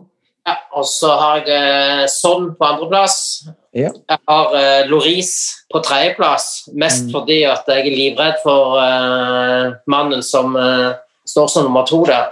uh, og så har jeg eh, Lamela på fjerde. For, ja, nei, han, eh, han Ja. har seg, altså. Og når han bare klarer å holde seg skadefri, så er han enormt viktig for oss. Um, Ja, enig. Vår deilige argentinske shithouse. Ja. Yes. Perfekt. mann. Jeg hyller det, jeg hyller det, det fjerdevalget ditt, uh, Leif Konrad. Må bare si. Og sistemann det blir eh, Sergio Regilon. Og det er litt for at det er en spillertype som, eh, som vi har savna, og som eh, trenger inn i laget. Ja, spennende. Her kan det bli litt forskjellig. Hvem har du, Ole Andreas? Eh, ja, jeg har ikke de fem samme. Eh, vi, starter, vi starter likt. eh, Harry Kane, soleklart viktigste. Eh, nest viktigste jeg har, det er Høibjerg. Ja. Eh, og så har jeg sånn. Og så har jeg en doble. Mhm. Og så har jeg Loris. Ja. Bra, jeg noterer, jeg noterer. Da kan du ta din, eh, Anders. Ja, jeg, jeg har faktisk de samme fem som Ole Andreas. Jeg gir litt annen rekkefølge. Eh, Jeg, vil, jeg ville gjerne ha med Regilon og faktisk også Lo Celso. Jeg er veldig svak for han, men jeg har vært skada så mye nå at eh, Og Regilon er også skada, så den gikk ut begge to, da. Eh, Nei, altså eh, Jeg har ikke fått eh, drypp, så jeg har Harry Kane som nummer én. Eh, åpenbart. Eh, så har jeg samme topp tre som eh, Leif Konrad, da. sånn på andre og Boris på tredje. Ole Andreas hadde vel sånn på tredje og Høibjerg på andre, men Ja, jeg har de samme fem, men i litt annen rekkefølge. Ja, ok. Det er- sånn, Kane, Da- Sogn, Boris, Høibjerg Ndombele. Det er mine, mine fem. og Ndombele på femte der, Ja. ja. Jeg har uh, samme topp tre som deg, Ole Andreas. Kane på første, Høibjerg på andre og Sånn på tredje. Så har jeg en Dombelé på fjerde, og så har jeg faktisk uh, ja, det hadde Ben Davies. Nei! Carlos Venitius på Nei, Nei jeg har, jeg har Egilon på femte. Jeg syns Ja. han er så viktig på den venstre sida der. Ja. Så da tror jeg vi kan eh, ganske kjapt, da, hvis du skulle lage en sånn fellesliste på hvem eh, dagens eh, panel anser som viktigst, så er det i hvert fall Kane øverst.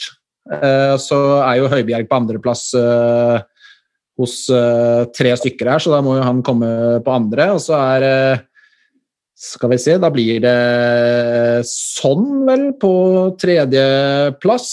Eh, og så blir det Skal vi se, Ndombele, Ndombele, Ndombele vel kanskje på fjerdeplass. Jeg må innrømme at jeg tar meg ikke tid til å finregne nå, men det ser ut som Ndombele er på fjerde. Og så er vel Loris, eh, på ja, Loris eller Ndombele på fjerde-femte. I hvert fall Kane, Høiberg og Sonn, da, som er soleklar topp tre der. Det er vel kanskje ikke noe overraskelse. Ja, jeg hadde ikke med Høibjørg. Nei, du hadde ikke det. Det la jeg merke til. Har du en god, eh, veldig god forklaring på det, Leif Konrad Borsheim? Ja, jeg, burde, jeg, burde nok hatt det. Men, men Nei, altså, herregud, Høibjørg har vært eh, strålende for oss denne sesongen. Eh, ryddig opp av en annen verden. Eh, men jeg, jeg ønsker å se, se litt mer av offensiv eh, fiber av han. Altså, han. Han er der og vinner ballen, og så, er- og så er han litt sånn at han, han er livredd for å ha ballen. Eh, han slår han bare videre, så noen andre får ta og, og så, så Sånn sett så begrenser han oss litt uh, i, i, i, i, i det offensive, gjerne i noen overganger òg. Og så plutselig så leverer han eh, type målgiverne som mot West Bromwich. Så, så han har det i seg, men vi- vi bare, jeg har sett altfor lite av det. og det, eh, det er egentlig uh, hovedgrunnen til, til det. Så um, ja. Ja. Jeg syns det var i overkant strengt, men er ja. min personlige mening. Det er det. Altså, Men jeg bare, jeg bare lurer på eh, hvis, vi, hvis det kom inn en eh, ny sjef, hvor sikker han er på laget da? Eh, litt avhengig av hva, hva tilnærming han har, da, selvfølgelig. Men eh, Jeg har tenkt på hvor, eh, hvor annerledes vi ser ut når vi mangler en av disse spillerne. At eh, vi ser helt blodfattige ut uten Kane. Eh, vi ser shaky ut uten Høibjerg. Og vi ser eh, fantasiløse ut uten eh, en doble. Eh, sånn er så viktig pga. hans eh, mål, målgaranti. Da. Eh, Så da, da var de eh, veldig eh, selvsikre for meg. Og så, var, eh, og så syns jeg Louise har hatt mange gode redninger som han egentlig ikke skal ta. Og selv om han også har sluppet inn noen som han skal ta, så, så mener jeg han ligger i pluss der. Og eh, Regulon er jo er fantastisk å se på, men eh, han har ikke gjort nok til å liksom være eh, uunnværlig for et eh, Tottenham-lag. Altså, kan vi egentlig ønske oss noe bedre som backup-spiller enn Ben Davies? Altså, han har sine klare begrensninger, men du, det er jo altså gutten som leverer Du vet hva du får hver gang. Det er bare Ok, det er, det er et par offensive løp, det er, eh, det er to mål i sesongen, det er eh, Ja. Eh, og så en, en og annen hjerneblødning. Men det, det har de alle. Ja, jeg, skal, jeg, jeg, jeg, skjønner hva du mener og forstår jo resonnementet. Jeg er bare så lei av hele Ben Davies, da. Jeg føler at hvis du googler, ben, hvis du googler begrensa, så får du opp et bilde av Ben Davies. Liksom. Det, ja, du får liksom en assist i halvåret, og du får et godt innlegg annenhver kamp, og, men det er liksom når Regulon er der, så, sitter, så reiser du deg jo fra sofaen når ballen Ja, havner ja, på og det venstre. er greit. Men Ben Davis er backup-spiller. Og han Ja, sutrer det er det han ikke når han sitter på Jo, men han er jo det. Så det- Jo, men ikke altså, når det- Regulon er ute, da. Da spiller han jo. Ja, men Er det ikke det som er definisjonen av backup-spiller? da? At han spiller når men- førstevalget er ute? Jo, men det er, er derfor jeg mener, det er derfor Regulon er på lista mi. da. Fordi at eh, Hvis ikke Regulon spiller, så er jo Ben Davies og driver og surrer ut på sida der. Litt sånn Loris Hart-begrunnelse. Ja, det blir jo samme. Ja, så jeg burde hatt med Loris òg, da. Av samme grunn. Ja, det, det hadde vært gøy å ta en uh, topp tre andre veien, men uh, jeg skal kanskje ikke henge ut folk. Uh, Kan hende disse spillerne hører på podkasten. Ja, ja. Men det er jo veldig sant det du sier, Ole Andreas, at hvis du tar egentlig hver av disse spillerne som vi har tatt med på listene våre, hvis Kane mangler, hvis Høibjerg mangler, sånn osv., så altså, Det er skremmende hvor mye laget svekkes på ulike måter hvis du bare tar ut én eller en annen av dem. Og det, selv om Tottenham har en større stall nå kanskje enn de har hatt på mange år, så er det ikke mange av disse nøkkelspillerne du skal ta vekk før de plutselig synker ganske mange hakk i eh, nivå og kvalitet. Da. Nei. Men, eh, men igjen, da. Altså, hvis, hvis, du, hvis du klarer å skape Jeg, jeg syns egentlig Liverpool, selv om de har vært litt på nedadgående nå det siste, så, som har mangla en del spillere, og de bare putter inn nye folk der, og så, så kjører de på sånn som de har pleid å gjøre. Vi har, vi har blitt litt for avhengige av noen spillere, det er ikke noe tvil om det, altså. Mm. Så, så det, det, er ikke, det er ikke bra, selv om du vil alltid være avhengig av en uh, Harry Kane. Altså, hvem hvem vært det? Så det, så det er greit nok, det. Så Men jeg syns det har vært moro å se Lamela komme inn i laget de siste par kampene, for han syns jeg har vært veldig eh, positiv. Og jeg tror han eh, Hvis han kan spille noen kamper nå, så kan han eh, Bli være viktig, han også. Hva sa du? Bli skada. Det er vel Ja, altså, i hvert fall til neste begynner, skade. begynner å bli bra, og så. Ja. Han er jo, det var en som sa en gang det var, altså Han er jo han kan, liksom gå, han kan være ute i fire måneder da, med en lett forkjølelse. og så kommer han tilbake, og det første han gjør, er å bare pløye gjennom fire motstandere i én og samme takling. Liksom. Det er en psycho, hele greia. Han har aldri fått rett kort. Nei, det, er helt, det er ganske sykt. Har han ikke det, altså? Mange gule, i hvert fall, men ingen kanskje hadde et mot Chelsea eh, for et par år siden. Ja, Nei, nei. Tenker du på brua, eller? Ja, ja, ja. Her er det mange som skulle ha etter det. Fartongen har ikke han revet øyet omtrent på Ja. Nei, det var, eh, det var litt av en kamp. Men eh, hvis vi til slutt nå da ser litt eh, på det som skal skje i eh, nærmeste fremtid eh, Tottenham har jo City, Manchester City på lørdag. Rop ut eh, de av dere som tror eh, Tottenham er laget som bryter eh, Citys 15 kamper lange seiersrekke. Jeg. ja, tror du det? Ja. Jeg tror få det, det er en kamp som eh, eh, José vil elske eh, på alle mulige måter. Og ja, nei, han kommer til å fyre opp spillerne mer enn noen annen kamp, tror jeg. Jeg, jeg tror jeg blir litt sånn som eh, Så noen, jeg husker ikke hvem, beskrev det å se Tottenham eh, i en, i en tweet eh, som, som å være hos tannlegen. Eh, du- vet at det blir vondt og ubehagelig, og bare håper at det er fortest mulig over. Jeg, jeg tror vi er der mot City. Ja. Hva tror du, Leif Konrad? Har du spilt eh, B på langoddsen? Nei, og det kommer jeg ikke til å gjøre heller. Der, der, eh, der har jeg ikke særlig tro, men det handler like mye om i den formen som, som City er inne i nå om dagen. Altså, jeg er mektig imponert over det de holder på med.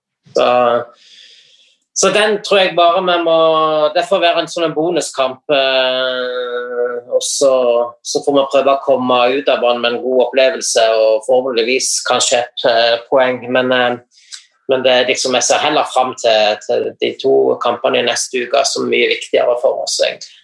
Ja.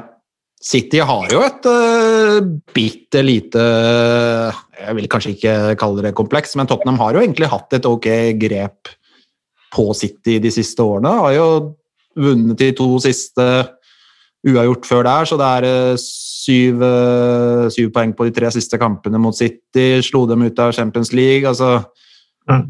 Tottenham har jo vært litt sånn nemesis for City de siste årene, da. Ja, og nettopp derfor tror jeg vi òg er ekstremt uh, hevngjerrige nå på å få tatt oss nå. Så, så mm. vi, vi, får se. Det er lov å håpe at eh, den, eh, den trenden fortsetter. Men uh, ja, jeg blir overraska om, om, det skjer. Ja. Et resultattips? Anders, uh, ja, unnskyld, Andreas. Ja, nei, jeg tenkte på Anders og dere andre om mot Manchester City og Westham Eh, så kan du ta, plukke tre poeng. Hvem tar dere fra? Ja, det må jo bli Westham. Vi må jo komme oss over dem på tabellen. Ja. Vi, vi, kan ikke havne under Westham. Det går ikke an. Nei, det går ikke. Helt enig. Ja. City, City de seiler vel sannsynligvis bare fra. Og de er liksom det minst eh, de er det mest friksjonsløse laget til å vinne Premier League. Altså, det mm. gjør meg minst hvis de vinner Premier League. Ja. Uh, ja. ja. De har jo Har de noen supportere i hele tatt? Ja, du har noen. Jeg vet faktisk om et par, men uh, du, kjenner begge, du kjenner begge to? Ja, men det er ikke som, det er ikke som enkelte andre lag der man bare må ha karantene fra sosiale medier i en måneds tid. Hvis det blir det laget. Ja. Får komme til resultattips, da. Leif Konrad, City, Tottenham, hvordan ender det? Åh, nei, jeg, også, jeg tror det tør jeg ikke, for eh, nei, eh, nei, det er bare jeg, jeg, tror jeg, jeg, tror jeg kommer til å få litt sånn søvnproblemer her nå framover mot den, den, kampen. Og det skal egentlig bare bli godt å få den overstått, kjenner jeg. Så Tannlegestolen? jeg, jeg, tør ikke, jeg tør ikke å ja, Det er fordi at det er så stygge siffer at uh... ja, Nei, men det, det, kan, det, kan, bli alt, det kan bli alt mulig, dette.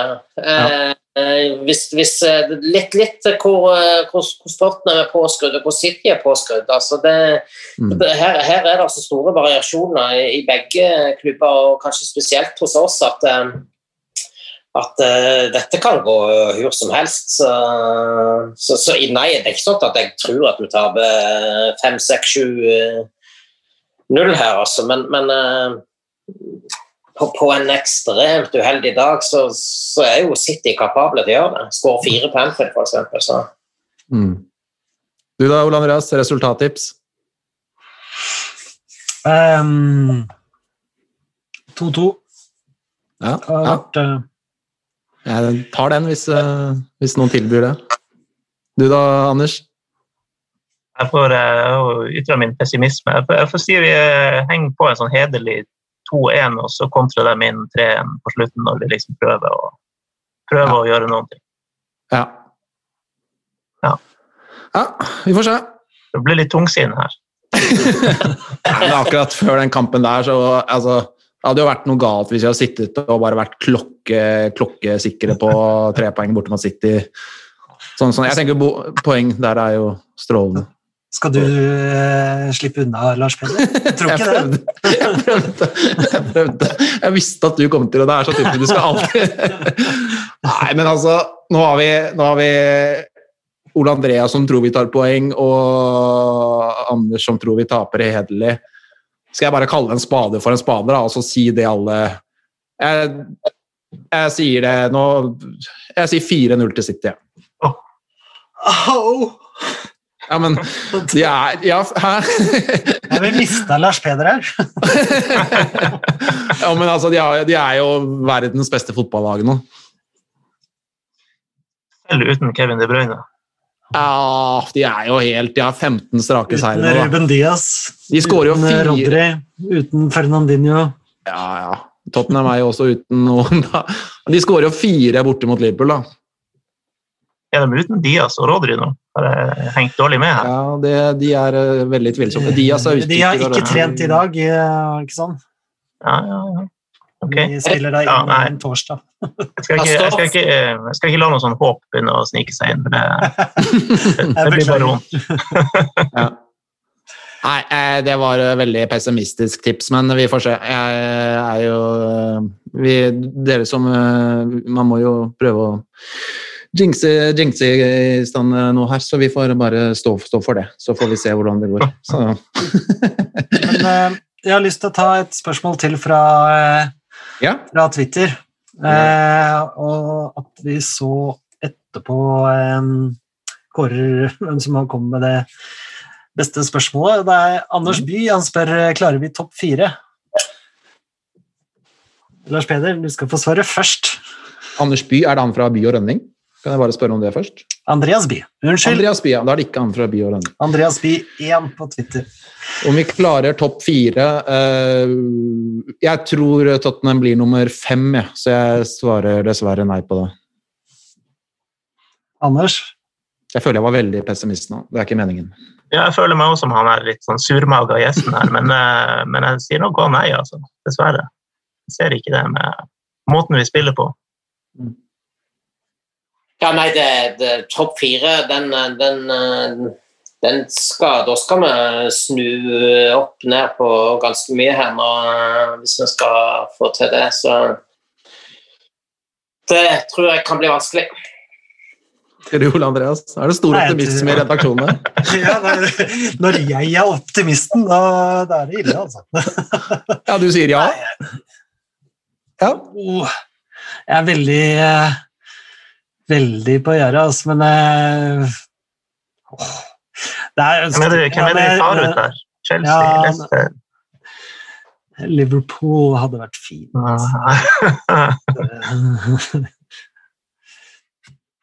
ja.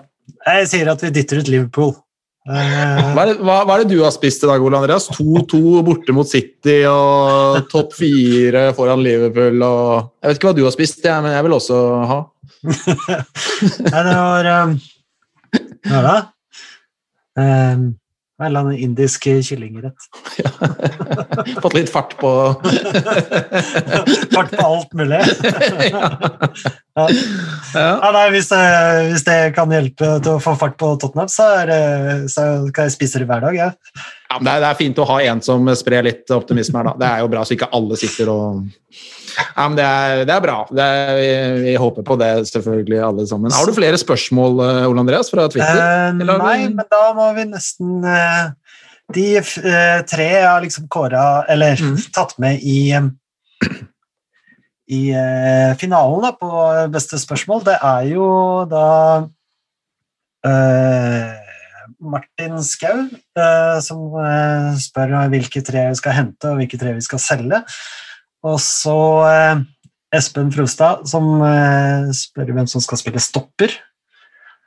Og så eh, Andreas By til slutt, om vi klarer topp fire.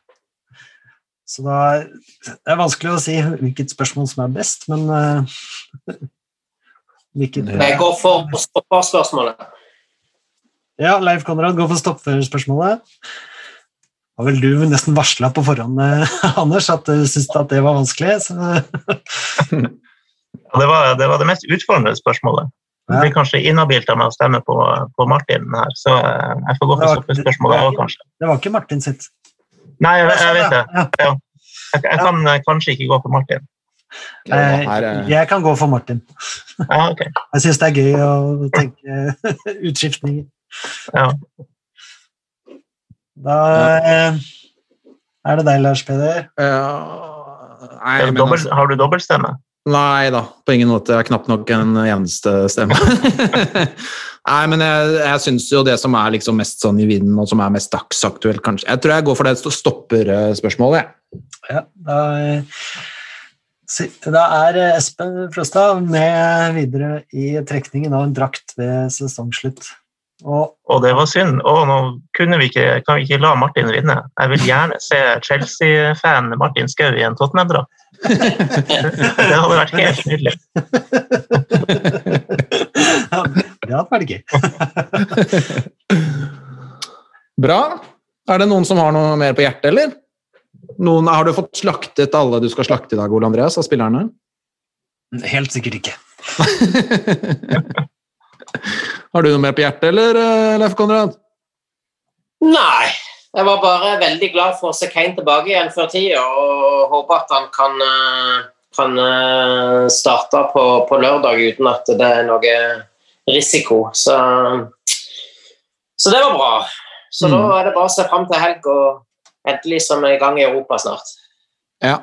Og du, Ole Andreas, nå har du vært den mest optimistiske av oss her. Da kan vel du bare si at vi, vi passerer Wolfsberg i Europaligaen og slår Western borte i de kommende kampene, eller?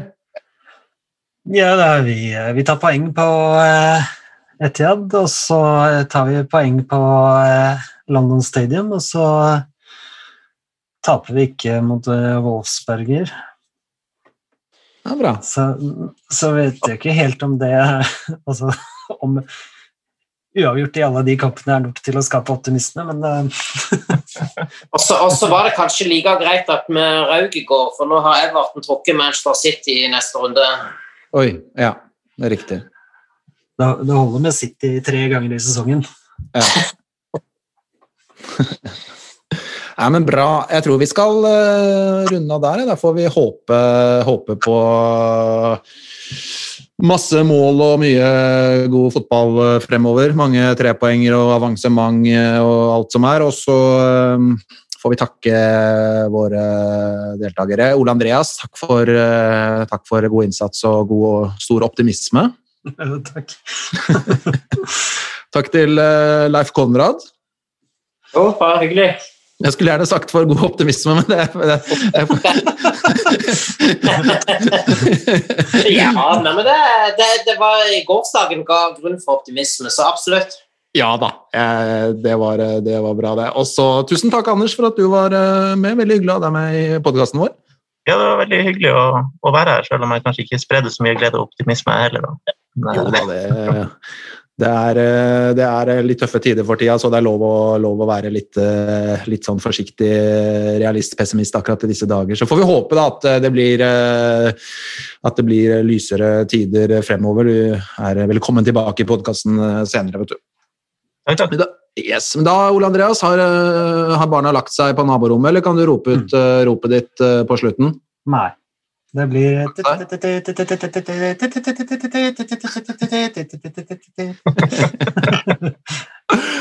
Ja, Da får det være siste strofe for i dag, så høres vi igjen eh, senere. Come on, you Spurs. Come on, you Spurs.